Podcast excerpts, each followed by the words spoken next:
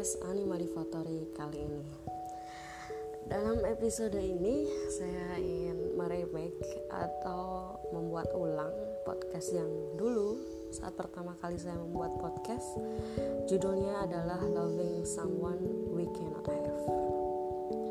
Kenapa saya remake? Karena gimana ya namanya pertama kali bikin podcast dan ternyata suaranya tenggelam musiknya terlalu keras dan ngomongnya juga nggak belepotan kayak nggak diatur banget. Lah itu semua yang ada di kepala kayak seolah-olah tumpah nggak ada aturannya gitu loh.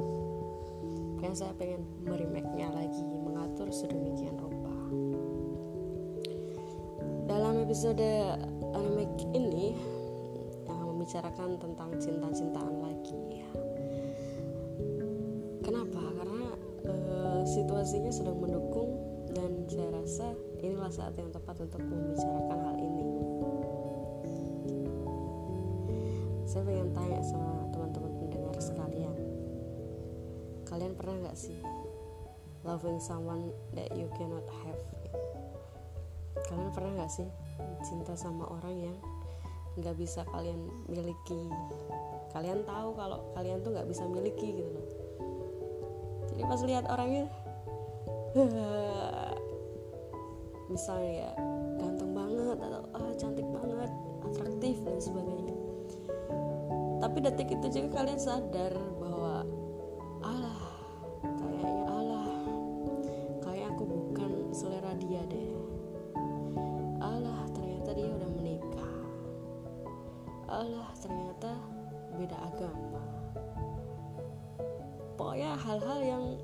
pada sesuatu yang membatasi kalian sehingga kalian nggak bisa memiliki orang itu. Entah itu norma agama atau secara prinsip. Itu yang menjadikan cinta orang yang kalian cintai gak bisa kalian miliki. Sebenarnya konsep mencintai itu sendiri cukup sederhana sangat sederhana sekali.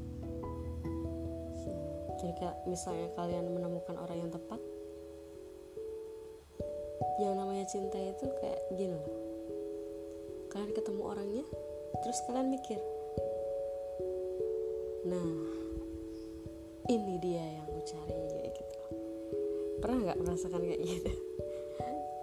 Jadi ketemu orang beberapa kali gitu ya ngajak ngobrol ternyata nyambung nyaman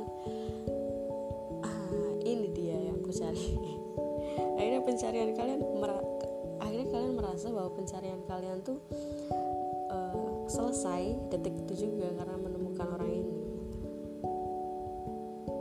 Gitu. Saya juga pernah berkali-kali jatuh cinta pada orang yang gak bisa dimiliki.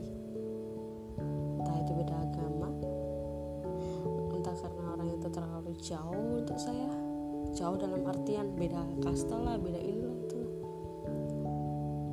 dan tembok-tembok penghalang lainnya yang membuat saya ah nggak bisa saya kayak memilikinya dan sebenarnya definisi memiliki itu sendiri uh, setiap orang pasti beda-beda. Sampai tahap apa sih memiliki itu? Apakah pacaran? Itu udah bisa dibilang kalian bisa memilikinya? Atau yang sepet, uh, sekedar teman memilikinya sebagai teman atau memilikinya sebagai pasangan hidup suami istri menikah dan sebagainya? Nah setiap orang berbeda. Tidak bisa disamakan.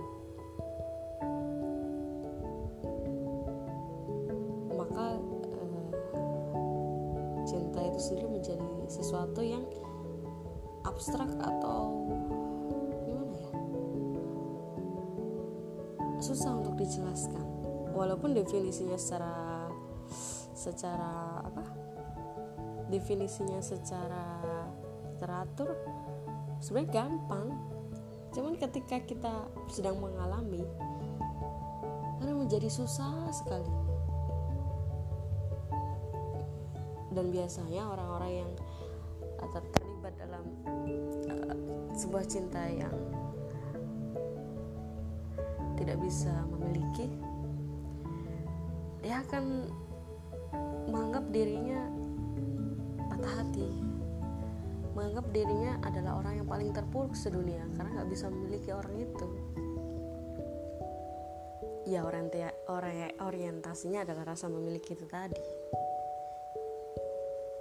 Padahal kalau menurut saya cinta itu adalah ekspresi.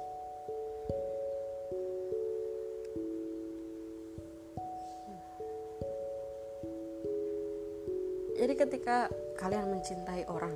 Terus orang itu ternyata nggak mencintai kalian balik. Ya jangan sakit hati. Jangan sakit hati sama orang itu. Karena orang itu juga bebas mencintai siapa pun yang dia inginkan. Sama seperti kalian mencintai orang itu. Dia berhak untuk memilih apakah itu kalian kita kamu mereka bebas memilih siapa aja yang mereka ingin cintai. Dan kita nggak bisa maksain dia harus cinta sama kita. Bukan seperti itu caranya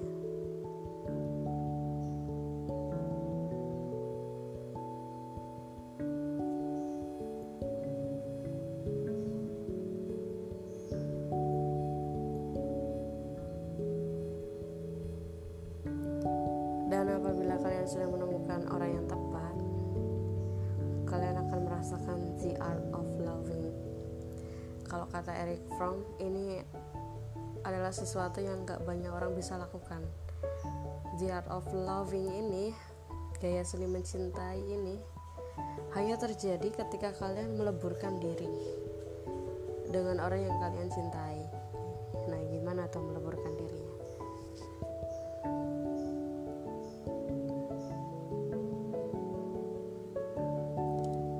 Kalau dulu pas saya sakit hati karena nggak bisa barengan sama orang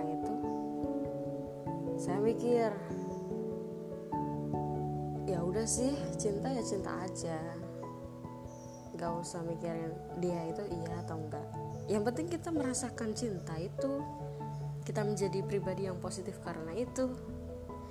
Kita membangun diri kita sendiri agar pantas untuk itu. Ya itulah cinta.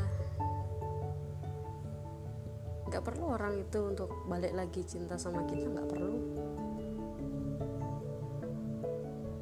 urusan kayak begini emang harus egosentris supaya kita nggak sakit hati kalau dia nggak cinta kalau dia ternyata milih orang lain kalau dia ternyata bla bla bla bla.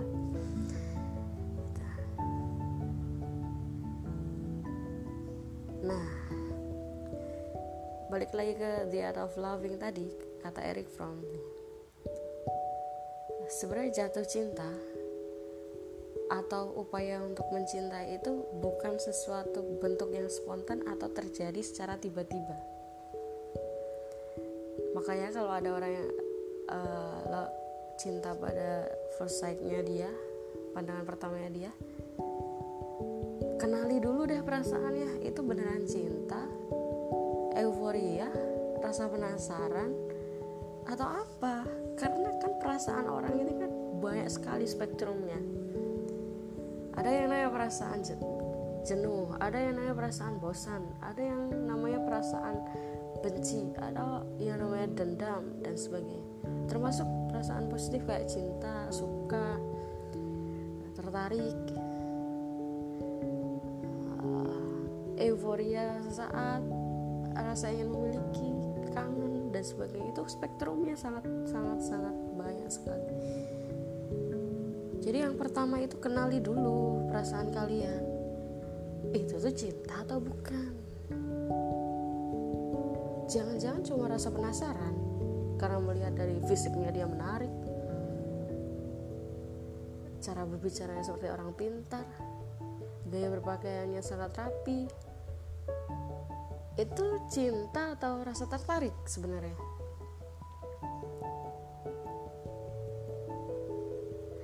Jadi itu tadi cinta itu bukan merupakan bentuk yang spontan. Kayak di FTV FTV ya ketemu tabrakan uh, sentuhan sedikit udah langsung jatuh cinta. No not nggak secepat itu. Eh, jadi perlu dialami prosesnya seperti apa? Makanya prosesnya jadi kayak hmm, kita mengenal orang kita melihat suatu objek yang menarik dari orang itu akhirnya kita tertarik. Berarti rasa perasaan tertarik atau suka inilah yang mengawali adanya perasaan cinta. Perasaan tertariklah ini yang biasanya orang sebut dengan kata jatuh cinta.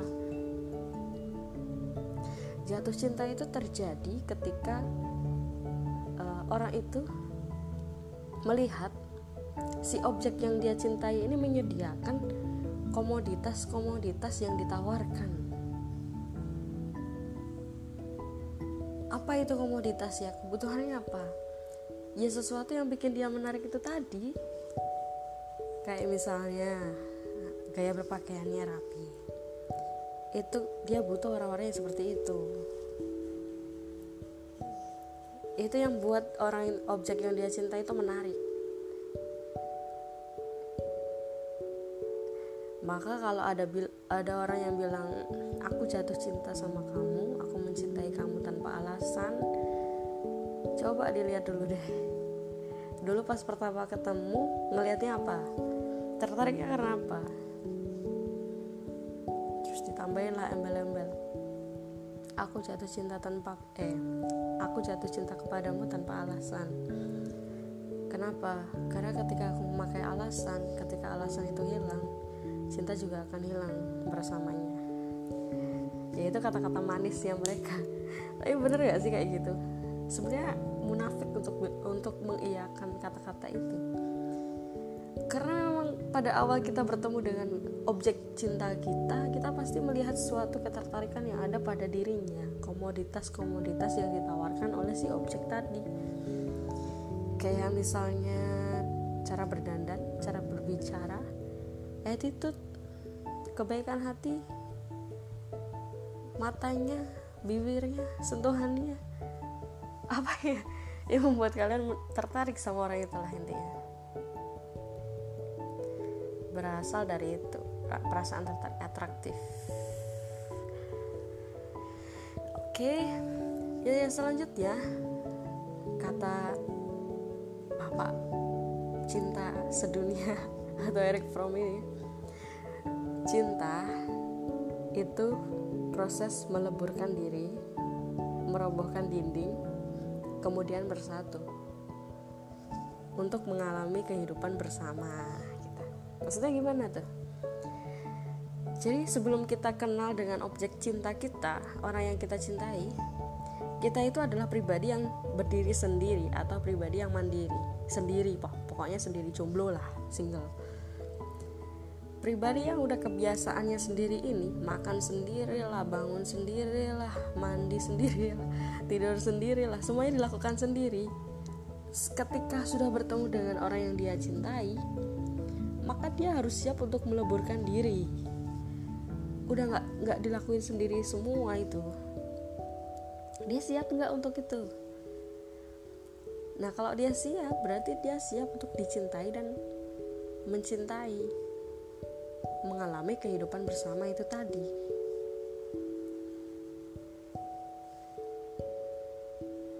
Objek yang kita cintai kan juga apa ya dia adalah pribadi yang sendiri, bebas, melalang buana.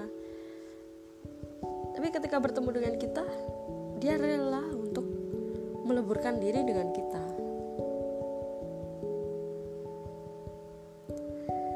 Makanya dari sini jelas apa yang kita butuhkan ke depannya menjalani kehidupan percintaan. Apa itu? Dibutuhkan kemampuan untuk menerima, memahami, dan berbagi. Menerima, memahami, dan berbagi ruang satu sama lain. Menerima, oke, okay, kalau kalau ada yang ter, kalau ada yang menarik di kamu, berarti ada yang tidak menarik di kamu kalau ada hal positif di kamu sudah pasti ada hal yang negatif di kamu. Cuman dalam proses mengenal dan mencintai ini kita akan menemukan hal-hal yang sebelumnya belum bisa kita lihat. Entah itu kebiasaan buruk entah itu sifat bawaan hal-hal yang nggak ditunjukkan pada masa-masa pendekatan hal-hal yang nggak ditunjukkan oleh orang yang awam. Makanya perlu adanya sikap siap menerima. Menerima sepaket jangan cuman mau positifnya aja. Jadi plus minusnya juga. Memahami karena kita udah bukan diri kita sendiri kita udah berdua nih. Jadi harus saling memahami kan. Dan kemudian berbagi ruang berbagi ruang untuk cerita berbagi ruang untuk saling motivasi berbagi dalam segala hal yang bisa kita lakukan.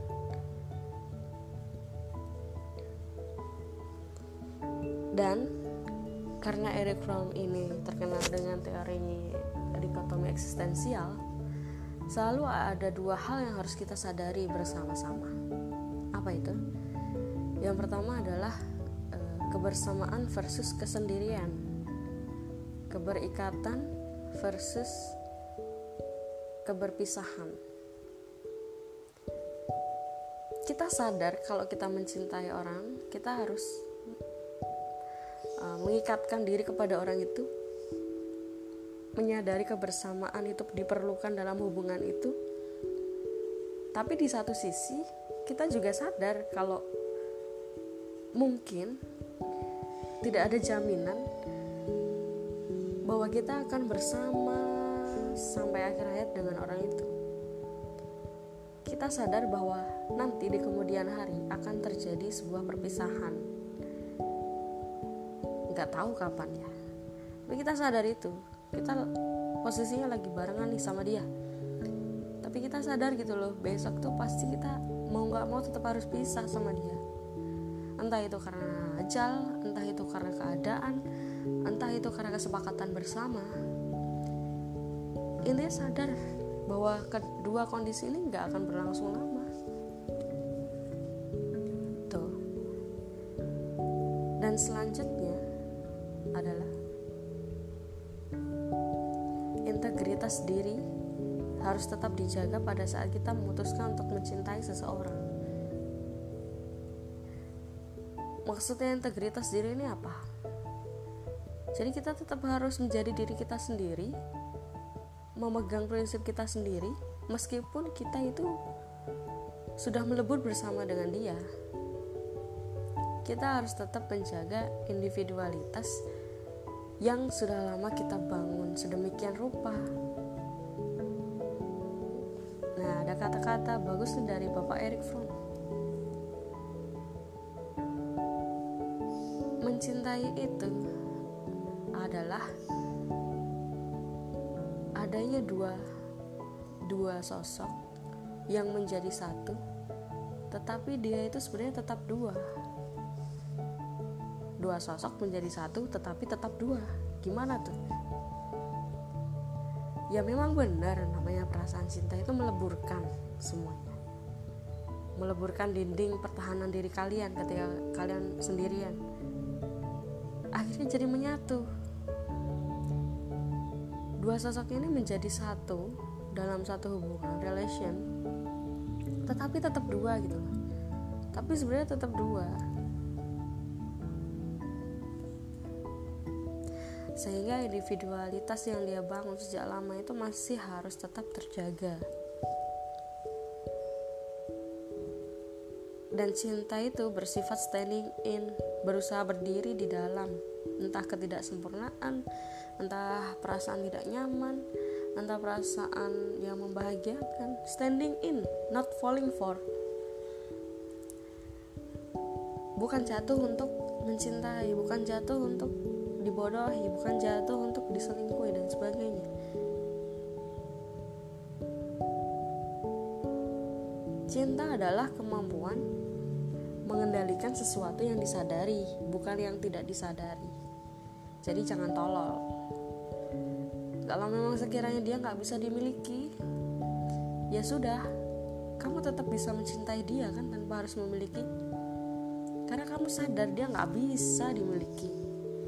Mau sekeras apa pun kamu mencoba benteng pertahanan dirinya itu sudah sangat tinggi sekali karena bersifat prinsipal sesuatu yang sangat-sangat mendasar. Dan itu nggak bisa dilebur apa berarti kalian nggak bisa mencintai orang itu? Ya tetap bisa lah. Apa konsep cinta tapi tidak bisa dimiliki selain kepada manusia? Tentu ada. Saya cinta kepada Tuhan cinta kepada Nabi. Itu dua hal yang kita nggak bisa nggak bisa meraih secara fisik nggak bisa memiliki secara fisik tapi bisa merasakan kehadirannya itulah loving someone that we cannot have. Rasanya sama kok. Objeknya aja yang beda. Ya objek-objek religi dengan objek-objek yang nyata realitasnya ada di depan mata itu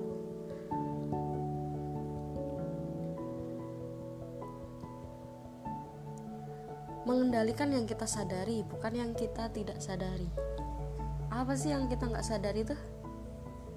Yang nggak kita sadari itu biasanya tembok-tembok itu tadi yang berdiri di depan sebagai penghalang untuk kita menuju ke arahnya.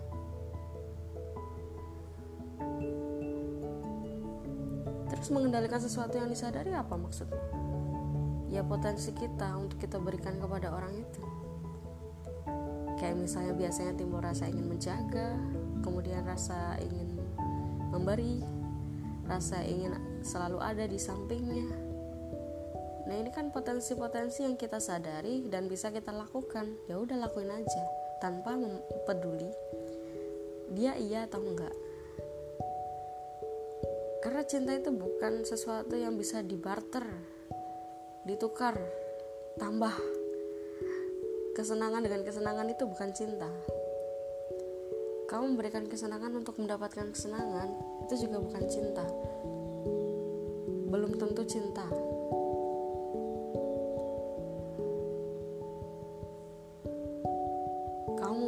berkorban banyak beliin ini beliin itu. Kasih hadiah kasih apa yang dia inginkan. Tapi kamu mengharapkan imbalan. That is not love. Itu bukan cinta namanya. Ya itu kamu lagi usaha. Pengusaha kamu dagang. Kamu menggadaikan material untuk mendapatkan afeksi. That's not true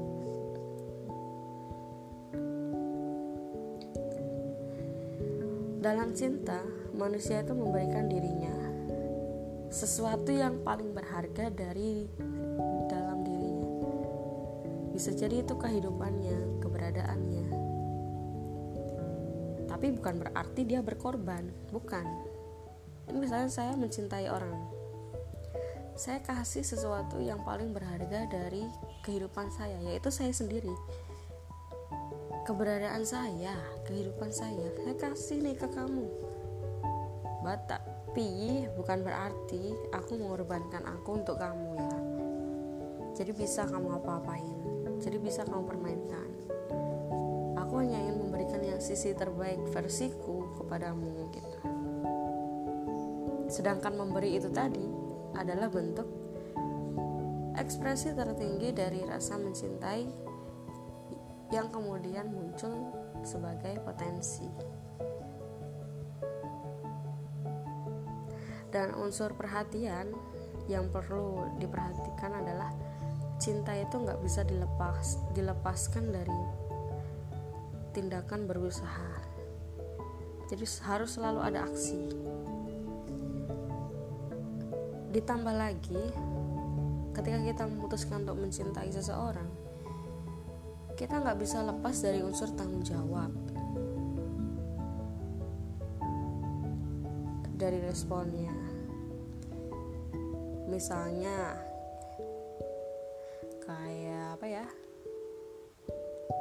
Nah, misalnya kita udah bikin dia terluka, kita harus bertanggung jawab, menjelaskan sebenarnya apa sih maksudnya gitu.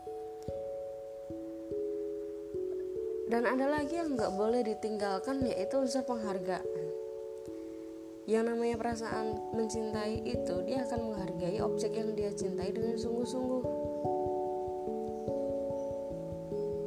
Dia melihat sesuatu yang menarik itu tadi dan itulah yang membuat dia menghargai pasangannya dia. Peganglah itu. Jangan melihat sisi negatifnya saja.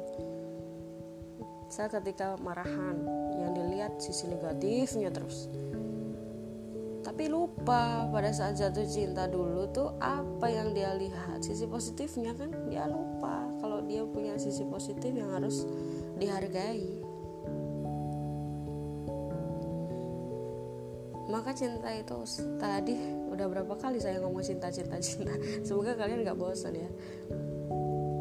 Cinta itu perasaan bertumbuh bersama. Demi kepentingan kalian sendiri kok karena kalian butuh itu untuk hidup.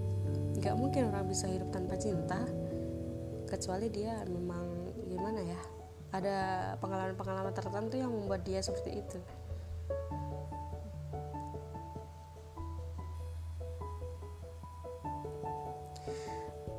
Jadi kesimpulannya mencintai itu bukan persoalan tentang mendapatkan objek ataupun berusaha mengobjektifikasi melainkan cinta itu adalah sebuah kemampuan untuk melihat objek yang kita cintai dengan melibatkan jiwa kita sendiri.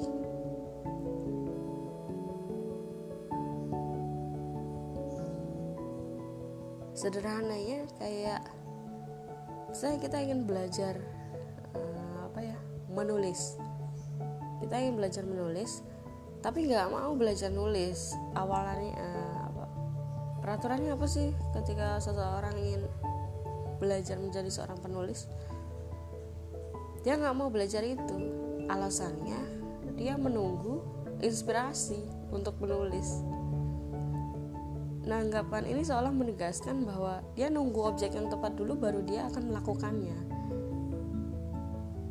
Padahal itu keliru, sama sekali keliru. Jika kamu memutuskan untuk mencintai seseorang, maka cintailah kehidupan orang itu dan cintailah kehidupan kamu sendiri. Ketika kamu udah mengikrarkan aku mencintaimu,